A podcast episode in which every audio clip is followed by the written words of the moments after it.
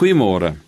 Ons kyk in hierdie week na die eerste bladsy, die eerste woorde in die Nuwe Testament. Dit begin met die geslagsregister van Jesus Christus. En nou, 'n geslagsregister is seker nie altyd ewe interessant nie, maar dit is tog baie interessant as ons kyk wie se name hier verskyn. Ons het al na 'n paar van hulle gekyk. Vanmôre lees ek vir jou die deel waar Dawid inskakel in Jesus se geslagsregister.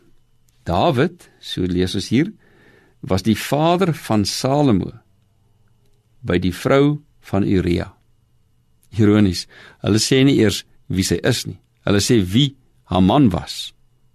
Kan ek jou herinner? Dit was Batsheba. Dit was Dawid se donker uur toe hy 'n moord beplan het en eintlik uitgevoer het, saamgesweer het, toe hy 'n buiteegtelike kind verwek het, toe hy uiteindelik toe die profeet Nathan by hom kom, moes erken, ja, dis ek. Skryf in sy donkerste uur sy psalm waarin hy bely van sy sonde. En tog lees ons later aan van Dawid dat hy 'n man na God se hart is. En nou lees ons dat Uria se vrou die buiteegtelike verhouding wat hy gehad het, ingeskakel is in Jesus se voorgeslag. 'n Mens sou sê is dit regtig nodig? Dis baie nodig. Dis juis om te sê dat Christus het nie gekom om perfekte mense in te skakel nie. Inteendeel, in die Nuwe Testament sê hy vir ons ek het nie gekom om gesonde mense te verder te herstel nie. Ek het gekom want ek kom mense wat stukkend is se lewens regmaak. Dit maak nie saak hoe jou storie lyk nie. Dit maak nie saak hoe jou pad geloop het nie.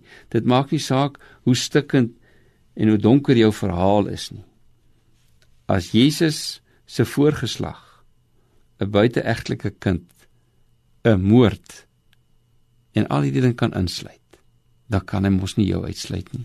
Inteendeel, dan wil hy juis vir jou sê, ek wil jou inskakel in hierdie program van God wat eeue gelede begin is, wat in Jesus Christus op 'n besondere manier gestalte gekry het en waarvan jy en ek kan deel wees. Kan daar 'n beter manier wees om hierdie dag te begin met die wete. Ek skakel in net soos in die voorgeslag by die nageslag van Christus ten spyte van wie ek is maar in sy genade wat hy my gemaak het. Goeiedag